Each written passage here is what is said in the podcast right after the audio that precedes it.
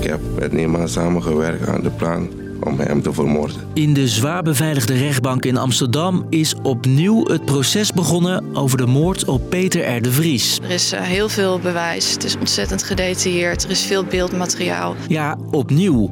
Want de rechtbank besloot in 2022 dat de zaak helemaal over moest. Vanwege de inhoud, maar ook vanwege praktische bezwaren. En er staan nieuwe mensen op het lijstje met verdachten. Dat betekent dat we uiteindelijk verwachten met negen verdachten naar zitting te gaan. Wie staan er terecht en waarvan worden ze verdacht? Dat zoek ik, Jasper, voor je uit. Lang verhaal kort. Een podcast van NOS op 3 en 3FM. Maar als ik gewoon het bewijs bij elkaar optel. 6 juli 2021. Peter de Vries staat aan de desk van RTL Boulevard om te praten over een rechtszaak. Dan heeft hij de schijn toch wel meer dan tegen. Meteen na de uitzending loopt de Vries de studio uit. Op bewakingsbeelden zie je hem over de Lange Leidse dwarsstraat naast zijn auto lopen. En hoor je even later... Vijf schoten.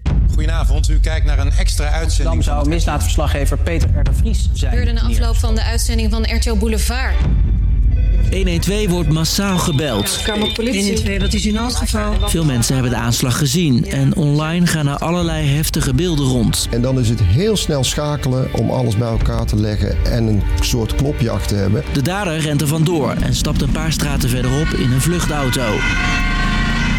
Precies 49 minuten na de aanslag worden twee verdachten klemgereden. Die vluchtauto is op de A4 ter hoogte van Leidschendam staande gehouden. En daarbij zijn ook twee verdachten aangehouden.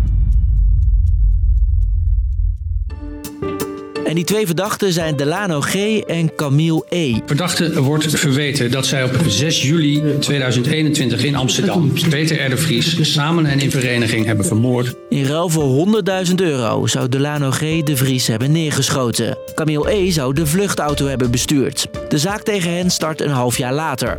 Zoon Royce en dochter Kelly de Vries gebruiken dan hun spreekrecht. Jullie hebben van een van mijn ouders het leven afgenomen. Mijn allerliefste vader. Mijn maatje, vertrouwenspersoon en zorgzame opa van mijn kind. De verdachten zeggen allebei dat ze onschuldig zijn. Ik beroep me op mijn zwijgrecht. Maar in juni 2022 eist het OM levenslang tegen hen. Let op al het voorgaande.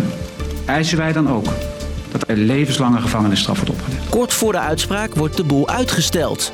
Er is een nieuwe belangrijke getuige die meer weet over de organisatie van de aanslag. En in dat najaar besluit de rechtbank. Vanwege de inhoud van de nieuwe stukken, maar ook vanwege praktische bezwaren. Een van de rechters verhuist naar het buitenland. En dus moet volgens de wet de rechtszaak over. Dat is een domper voor de nabestaanden. Je denkt dat je het allemaal al doorstaan hebt en dan moet het toch weer allemaal opnieuw. Ja, daar sta je niet op te wachten. Ondertussen loopt het onderzoek van de politie en justitie gewoon door. Die nieuwe getuige, die ik eerder al noemde, die leidt de politie naar nog meer verdachten. Dat betekent dat we uiteindelijk verwachten met negen verdachten naar zitting te gaan. Negen mensen staan er nu dus voor de rechter. Eén van hen zou de zogenaamde moordmakelaar zijn.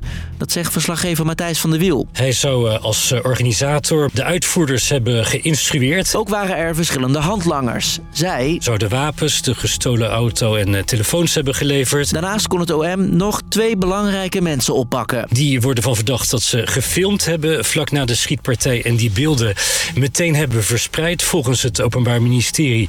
om angst te zaaien. Maar de belangrijkste vraag, die nog altijd onbeantwoord blijft in dit proces...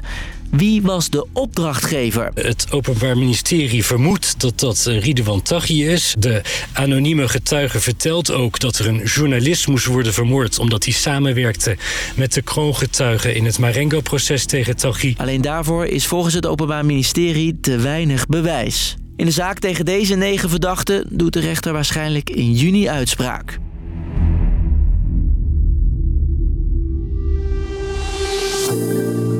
Dus, lang verhaal kort. De zaak over de moord op Peter R. de Vries start opnieuw.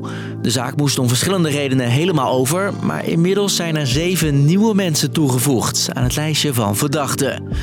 Wil je nou zien wie die verdachten precies zijn? Check dan ons TikTok-account van NOS op 3. Linkje vind je in de show notes. Was de podcast weer. Elke werkdag rond 5 uur staat er een nieuwe aflevering voor je klaar. Bedankt voor het luisteren. Doei!